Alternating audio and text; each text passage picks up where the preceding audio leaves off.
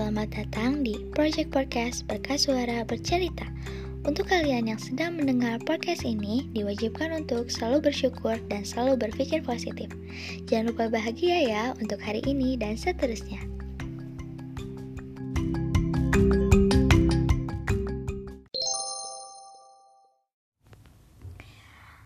Halo semua, balik lagi sama aku di Berkas Suara. Akhirnya uh, suara aku muncul lagi di sini. Kayaknya udah lama banget nih aku nggak upload episode baru. Tapi karena sekarang lagi ada waktu, emang so sibuk sih anaknya dengan tema yang berbeda sekarang, tema yang baru, tema yang sangat dalam. Aku akan mengajak salah satu teman aku untuk bergabung di episode kali ini. So, halo Prita. Halo teman-teman berkas suara. Mungkin boleh sedikit perkenalan dulu. ya, jadi perkenalkan nama aku Prita. Instansinya aku dari SMA Negeri 5 Bandung dan di sini aku juga sama punya podcast namanya Senyawa Rindu. Boleh di follow Instagramnya ya. Oke, mungkin kalian bisa follow Instagramnya atau cek di Spotify. Catet ya Senyawa Rindu.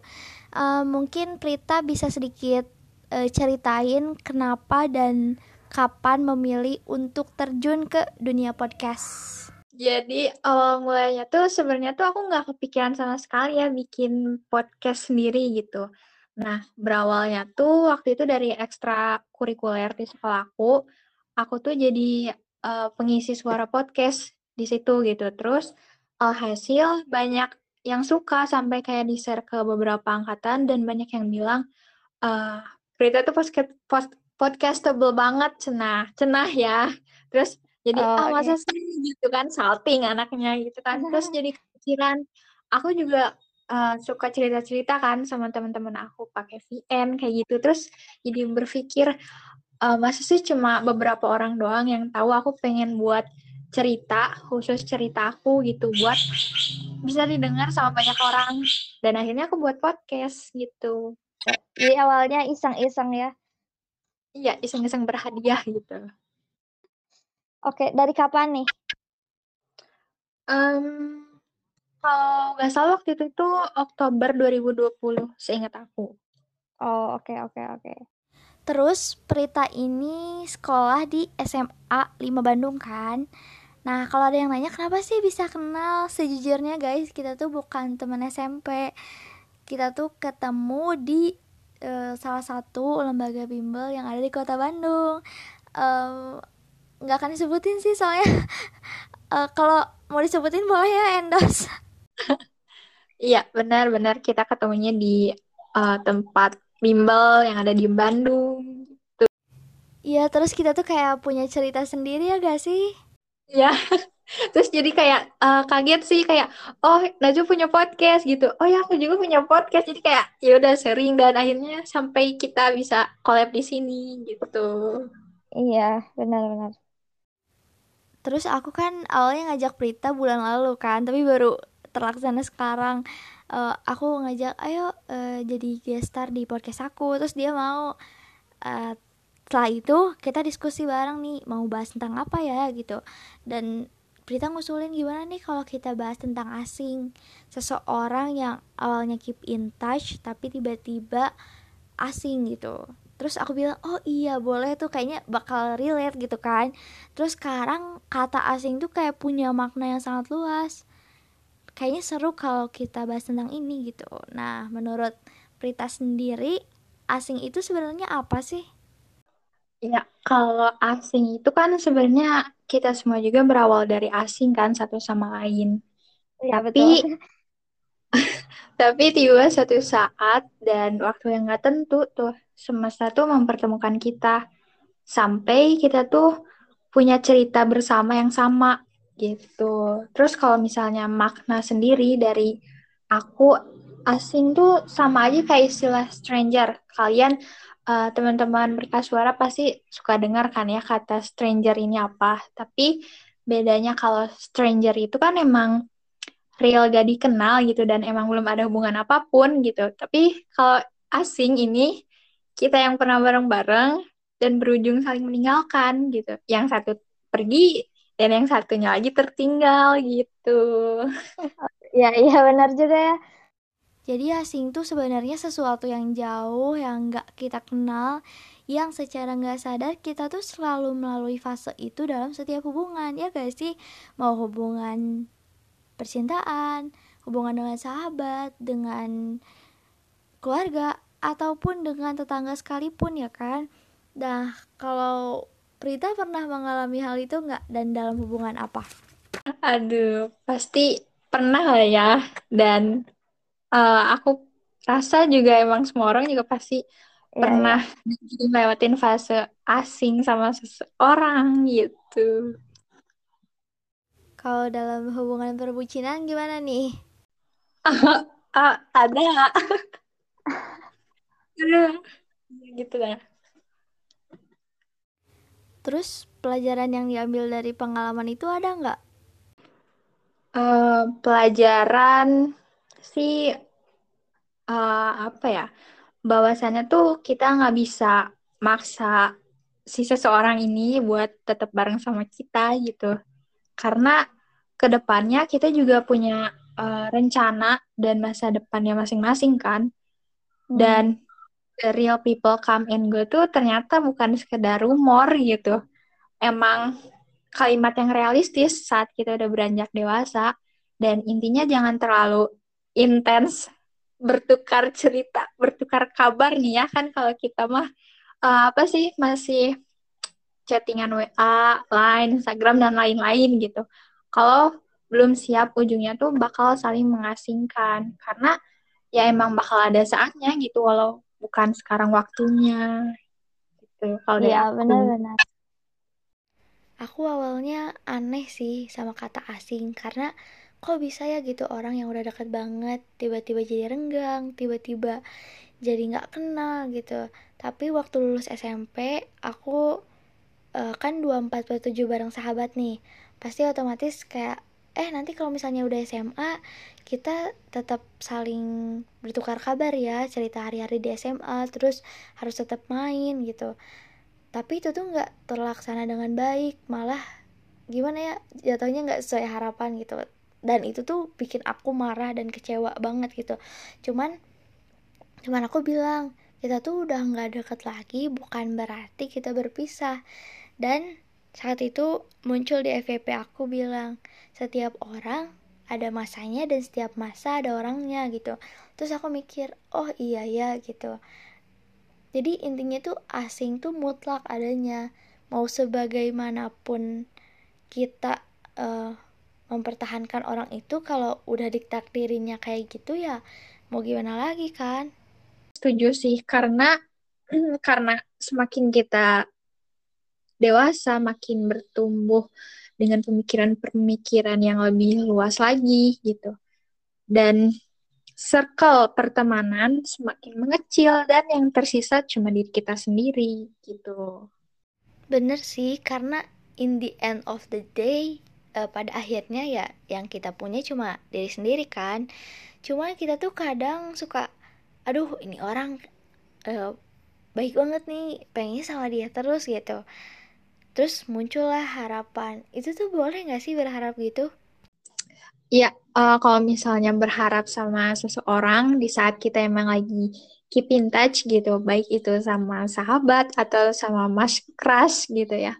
Sebenarnya ya nggak apa-apa karena di saat kita kan kalau kita menjalin pertemanan dan hubungan yang emang ngerasa diri kita nyaman gitu, kita uh, suka ber bertukar cerita, solusi, pendapat, dan lain-lainnya. Tapi kalau misalnya pada ujungnya harapan kamu dan sesuai ekspektasi kamu, keinginan kamu ya it's okay. Nggak ada yang bisa buat disalahin. Kamu jangan nyalahin diri kamu, jangan nyalahin orang itu gitu. Emang udah dari hukum alam ada gitu. Terus kalau aku nih ya, aku tuh kalau misalnya ada orang yang baik sama aku kayak definisi baik banget lah ya.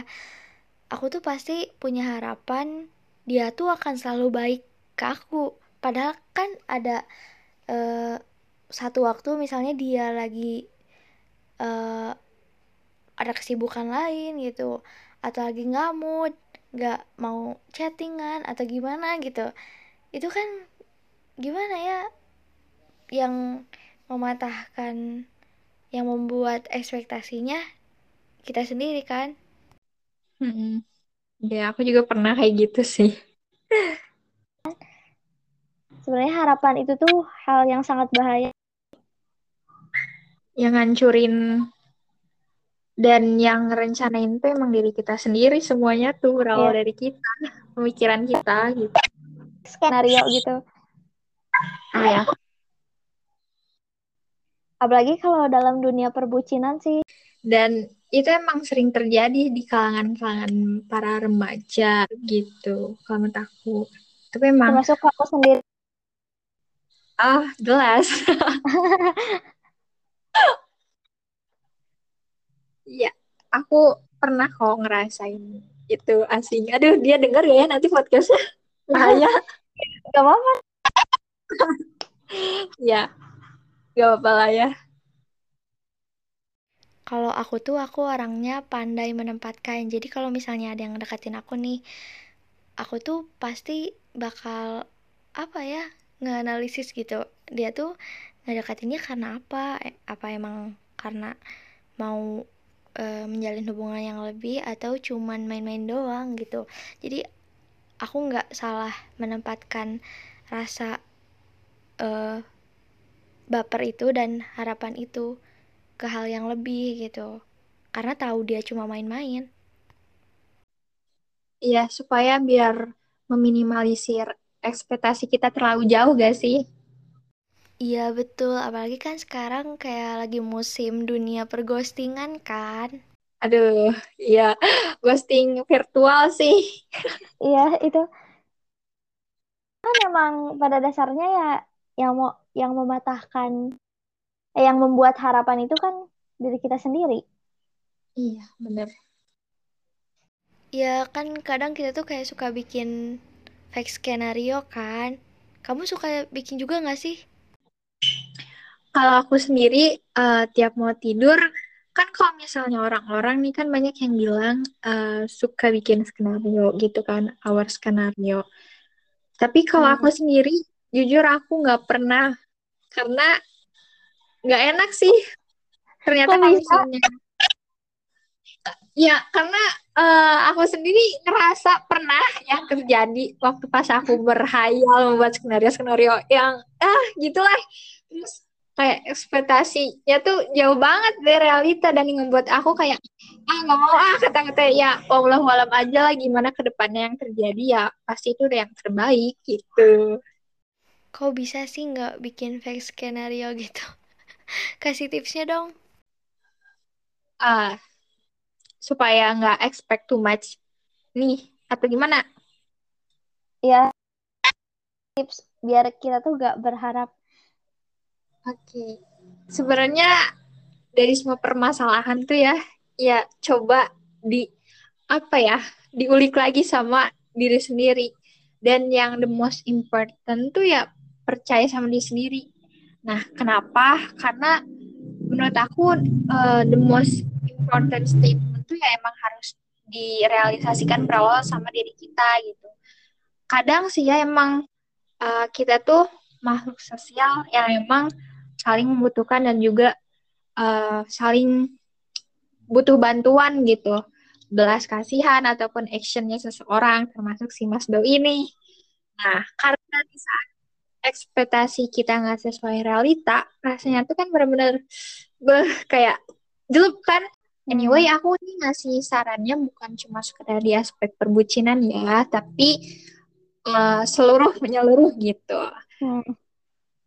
jadi yang pertama itu percaya sama diri sendiri. Ya emang terdengar kayak udah lumrah gitu kan ya, percaya sama diri sendiri gitu. Tapi ingat juga jangan maksain diri gitu, jangan kayak terlalu over sama diri sendiri. Dan jangan lupa minta bantuan dari orang-orang yang menurut kamu berharga gitu perannya orang yang kamu sayang dan yang paling utama juga dari Allah gitu. Kadang kan kita uh, meminta ekspektasinya tuh ya sesuai kemauan ekspektasi kita gitu, bukan karena emang minta coba diganti gitu. Harapannya tuh berekspektasi karena ekspektasi yang terbaik dari Tuhan gitu. Ya, karena Tuhan tuh menjauhkan kita dari rencana yang salah kan. Tapi kamu gini juga gak sih kalau misalnya ketemu orang baru, kamu tuh udah menyiapkan diri untuk melewati fase asing kayak, oh ini tuh nanti tuh bakal jadi asing loh gitu. Jadi kita tuh udah siap. Udah punya planning pemikiran ini ya, cadangan gitu ya. Iya, tapi tetap sih bagian yang tersulitnya mah melepaskan, merelakan, dan mengikhlaskan. Uh, karena yang ngebuat kita susah buat ikhlas tuh kan dengan waktu bareng-bareng, waktu bikin cerita sama-sama, terus kayak wak waktu mau ngeikhlasin tuh rasanya malah turn back time gitu gak sih? Iya benar. Dan feelnya bakal beda sih kalau misalnya kita ulang lagi dengan orang yang baru gitu.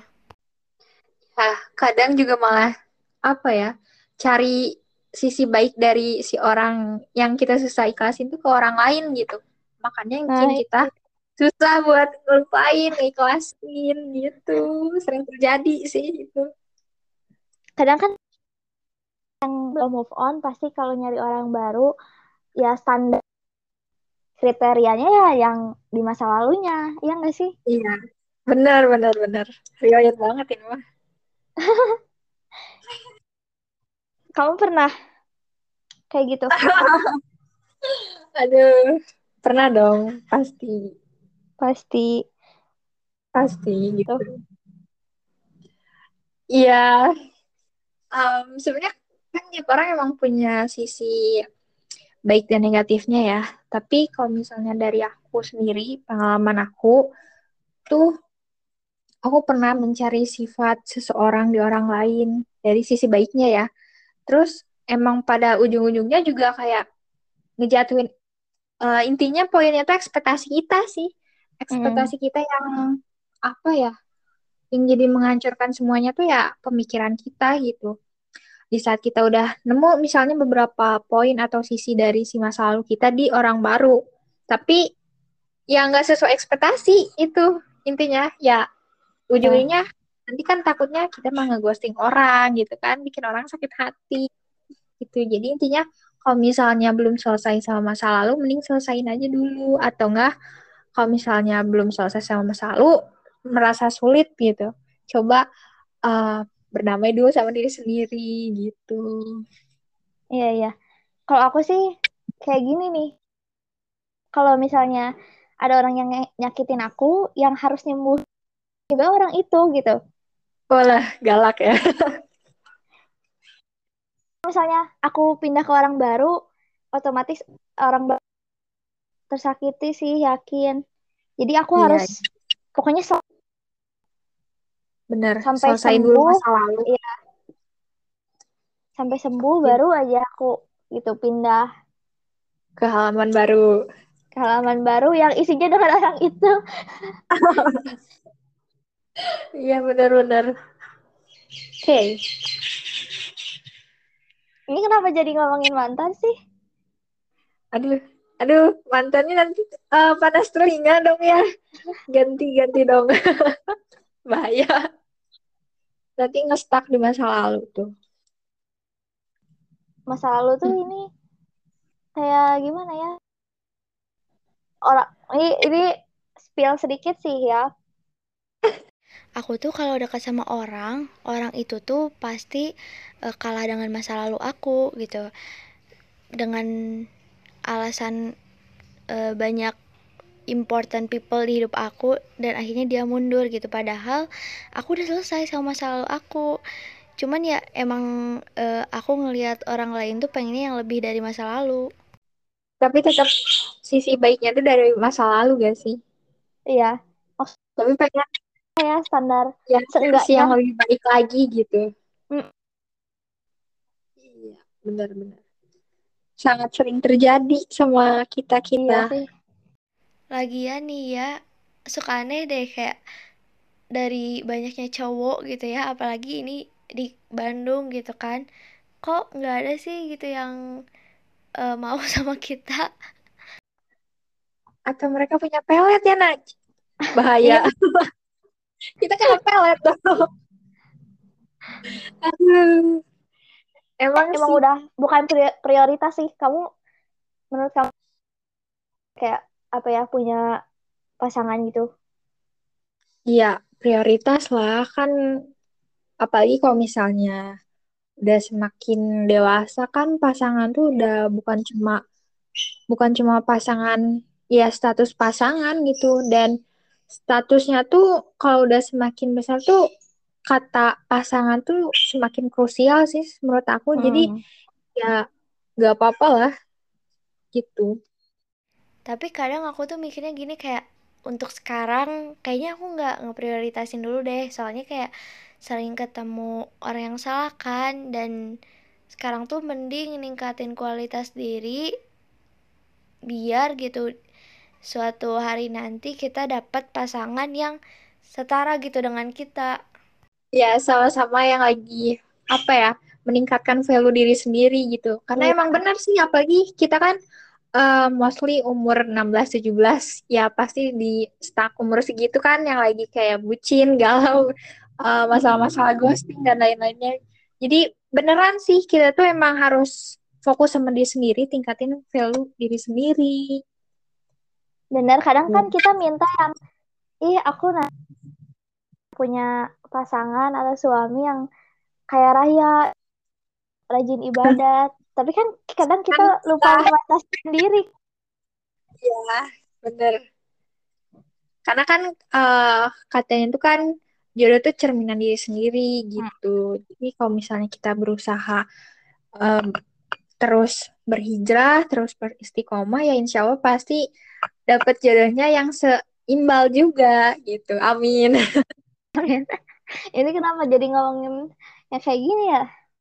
Kan biar seimbal uh, tadi kan bahasa selalu sekarang masa depan walaupun belum kelihatan ya masa depannya nggak ada di mana nggak tahu siapa.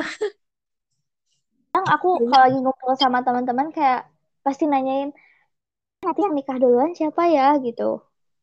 Iya. Iya sering sih. Kalau misalnya pagi persahabatan cewek ya pasti sering mm -hmm. kayak gitu nggak tahu kalau cowok tapi kayaknya cowok juga iya gak sih? Iya cowok juga. Kalau lagi ngobrol sesirkel gitu iya. loh.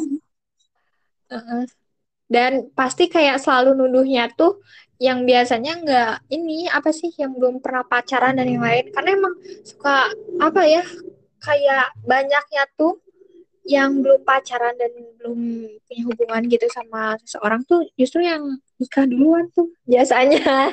Tapi iya kan sih benar. tahu ya jodoh mah di tangan Tuhan gitu. Iya.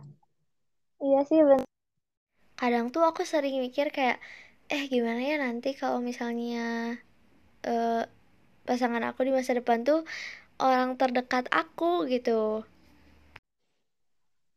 Ya gimana ya? Tidak gimana gimana sih. Cuma pasti emang itulah tidak bisa diutarakan emang.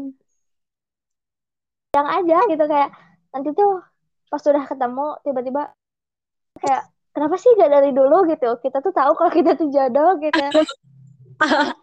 Gak ada yang tahu sih ya masalahnya teh. Iya. Aduh. jadi emang udah takdir dan skenario yang baiknya emang udah dipertemukan dari dulu gitu supaya emang dikasih clue gitu. Tapi ya emang kitanya nggak nyadar sih. Kita selalu nyari orang-orang yang sebenarnya di sekitar kita ada tapi kita selalu cari yang jauh yang nggak terlihat sama kita yang nggak kegapai gitu. Benar. Kadang tuh kita nggak sadar kalau misalnya apa yang kita cari itu ada di orang terdekat kita. Ya nggak sih contohnya sahabat kita sendiri? Kayak kayak friendzone nggak sih maksudnya? Iya friendzone hmm. iya. Dendam gitu. Iya sih soalnya kalau misalnya diutarain juga hancur persahabatannya gitu. Menurut Prita sendiri, friendzone tuh gimana sih? Aduh. Uh, kalau misalnya dari sisi aku atau dari sisi dia? Gimana? Dari sisi aku. Yang mendem perasaannya dari sisi aku atau dari sisi dia? Uh, kamu sih. Kalau cowok. Nyembunyiin perasaan iya gitu. Sih. Eh, enggak sih. Enggak, enggak. Kalau menurut aku mah cowok enggak juga kok. Gitu. Tergantung sih ya, tergantung. Iya. Gender. Iya. Tapi kalau misalnya personal aku sendiri sih aduh bahaya sih ini kalau misalnya ada yang dengar oh nanti terbongkar dong tapi intinya pernah kok tapi uh, sempat uh, menahan diri karena waktu itu posisinya sahabat aku juga suka jadi oh.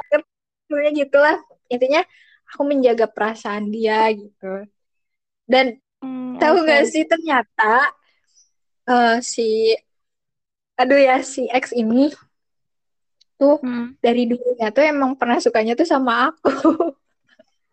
Tapi kamunya nggak nyadar? Enggak, karena aku kira ya dia cuek kayak ya ya udah we just friend gitu. Gak ada lebih. Oh gak bisa berteman dengan eh cewek. gak bisa berteman dengan cewek kalau dia nggak suka kan? Iya, iya. Tapi kalau menurut aku itu benar tahu. Kalau menurut aku eh, nggak uh, semuanya sih, tapi emang pasti ada. Tapi sama juga kayak cewek, tapi biasanya cewek tuh kayak lebih lebih apa ya, lebih jago gitu lah nutupinnya gitu. Iya. Soalnya aneh juga sahabat cowok nih. Masa kayak hmm. semuanya hmm. suka sama aku kan Gak mungkin, ya. Gak mungkin bukan, banget. Karena kayak menyadar diri kayak aku bukan primadona, kayak ngapain mereka pada suka ke aku gitu. Iya. Ya sih? ya, ya kali sebenarnya gitu. sampai suka gitu kan. Iya. Gak mau. Cuma ya emang balik lagi sih kan tiap orang punya uh, apa sih iya. perasaan yang beda-beda sama cara dia actionnya kayak gimana gitu. Mm -mm.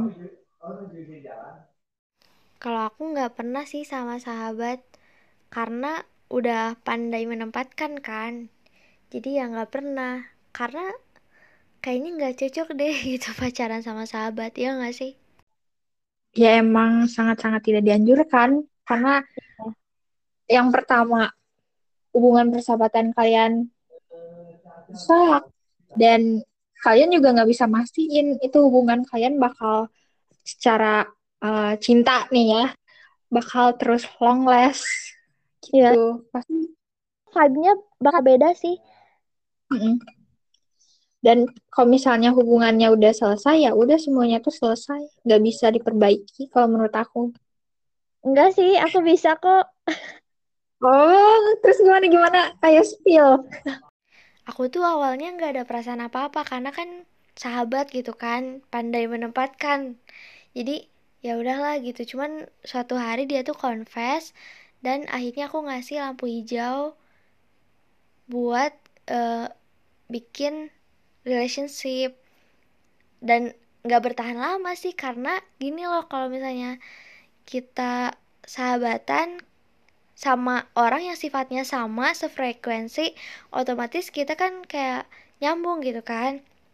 Cuman kalau misalnya orang itu dijadiin pacar satu sifat misalnya dia cuek aku cuek terus siapa yang mau ngalah gitu kan Gak ada yang ngalah gitu kan iya makanya jadi ya ya udahlah mau seperti biasa lagi gitu jadi everything okay aja gitu ya iya kalau aku hmm. sih aku sih tapi kebanyakan hmm. yang emang tahu ya sih mostly emang jadi selesai gitu semuanya.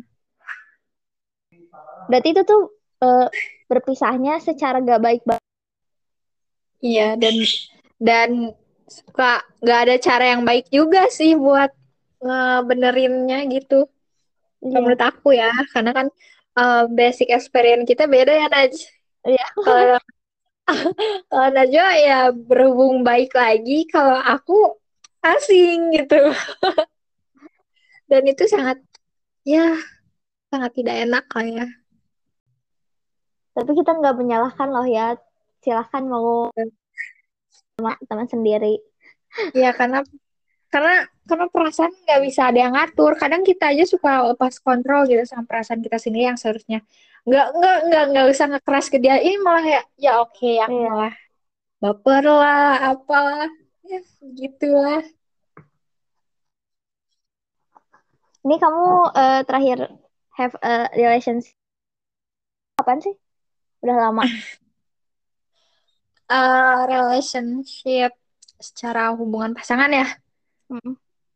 Kalau aku sih eh, terakhir 2019. Udah Oh. lama ya? udah lama sih Iya, aku 2019 terakhir. Dan itu juga yang eh, Eh, sebenarnya banyak. Hah? Oh iya? iya aku 2018 ke 2019 Hmm. Kalau kalau aku tuh waktu itu eh ya udah kalau denger gak apa-apa gak apa-apa Kandasnya tuh kandasnya tuh 2019 aku masih inget tahu. Spill jangan. spill spill Eh, intinya tuh waktu itu putusnya tuh malam takbiran Idul Fitri. Bayangin coba kayak itu tuh lagi momennya apa ya vibes-nya tuh kayak adem hati gitu ya kan apalagi kan buat umat muslim apa merayakan hari raya Idul Fitri itu malah malam itu tuh aku malah jadi kayak orang terset girl gitu. Tapi di esok paginya walaupun lagi galau ya lagi hancur lah broken heart dan lain-lain harus tetap stay happy gitu ya sama keluarga. Kayak nothing happen gitu fake semuanya. Tapi eh, setelah kita putus tuh baik-baik aja sih, baik-baik aja dan kitanya juga masih tetap apa ya, masih sering kontakan gitu kayak masih ngingetin sholat dan lain-lain gitu. Cuma Hmm. kalau secara hubungan ya kita emang bukan siapa-siapa gitu. Ya disebutnya mantan lah ya. oke oke. Gitu sih kalau aku. itu eh, kamu udah kayak eh bakal kayaknya bakal kita selesai. Heeh. Udah sih sebenarnya kalau aku bahkan aku sendiri udah merencanakan aku yang mau mengakhiri gitu. oh kamu yang bener jadi kayak intinya tuh aduh plan sendiri tapi ternyata aku sendiri yang yang yang tersakiti gitu ya. Karena awalnya tuh yang pertama tuh karena dari sisi orang tua aku kurang suka sama orangnya gitu. oh gak direstui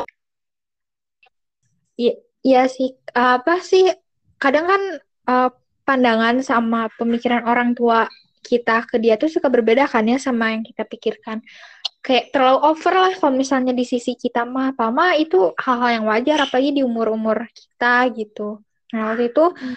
Orang tua aku tuh kurang serak gitu sama orangnya dan aku tuh masih stay have relationship with him gitu. Terus ah, kadang kan kalau misalnya dari orang tua sendiri nggak seret, kadang suka gimana gitu kan. Terus Hmm. terus akhirnya aku tuh so- berencana gitu di dalam hati aku, kayaknya aku harus berakhir gitu. Ini tuh harus berakhir gitu. Dan ternyata aku tidak bisa karena ya itulah ya perasaan kan emang suka nggak bisa kontrol sama diri sendiri gitu. Walaupun restu tidak walaupun restu nih gitu tetap ngejalanin sebulan lah kalau nggak salah waktu itu. Nah, waktu itu tuh di Idul Fitri 2019 ternyata dia sendiri yang mutusin ke aku. Tapi masalahnya tuh rumah kita tuh deketan, masih sewilayah Oh. gitu. tapi kadang feeling kalau bener gitu Iya sih, karena mungkin karena lebih berpengalaman dan lebih udah jago memilah gak sih kalau ortu tuh? iya sih. Pasti kan mau yang terbaik. Iya. cuma kadang tuh Wal- wal- walau yang gagal move on. Iya, karena walaupun menurut orang tua itu nggak terbaik buat kita, kadang kita suka keras kepala kan, kayak Sundanya mah kekeh betekeh nih sama Iya. pemikiran kita kayak yakin nggak kok ini tuh sebenarnya kayak gini? Dia tuh nggak kayak gitu. Ya berakhir berakhir dengan kayak gini juga sih ujung-ujungnya kayak bener apa yang disolusin orang tua kayak udah oke okay, beneran ternyata sekarang udah gitu. Tapi kita tetap uh, apa ya kontakan lah. Tapi nggak sering juga sih maksudnya kayak intinya masih berhubungan baik gitu sama masa lalu ini. Uh, kan yang ngejalanin kita kita lebih tahu sih sebenarnya. Cuman ya apa ya ngasih saran lah. Iya benar-benar saya ceritanya pas emang udah putus sih. Oh, oh iya terus gimana? jadi kalau misalnya ditanya-tanya tuh udah gak bisa ini ya kayak udah udah selesai ini gitu. Sebenarnya orang tua nggak ngelarang sih cuman mamaku tuh kayak suka over gitu loh terhadap satu orang. Jadi kayak jagoannya gitu. Di setiap momen tuh kayak ngomongin dia terus. Jadi aku kayak eh pengen punya pacar deh gitu. Biar nggak ngomongin dia terus ya berarti itu mah emang dari pemikiran orang tua dan uh, apa ya feeling orang tua emang udah ngerasa dia paling cocok gitu ya sama kita. Hmm. padahal enggak sih. Enggak juga kan ya. Karena itu emang sih pemikiran sama perasaan ortu pemandangannya cara sudut pandangnya tuh memang beda sama kita gitu. Ya ya sih orang senior sama junior gitu kan malah kan emang perempuan sekarang tuh kayak sukanya yang bad boy gitu iya yang apa sih yang ada ciri khas berbeda gitu ya nah. dan berujungnya sakit hati juga sih ya karena ya iya. milihnya yang salah sih ya salah sendiri juga Oke, gak kita udah di menit ke sekian. Keterhitung ya. Ya, nanti lihat aja.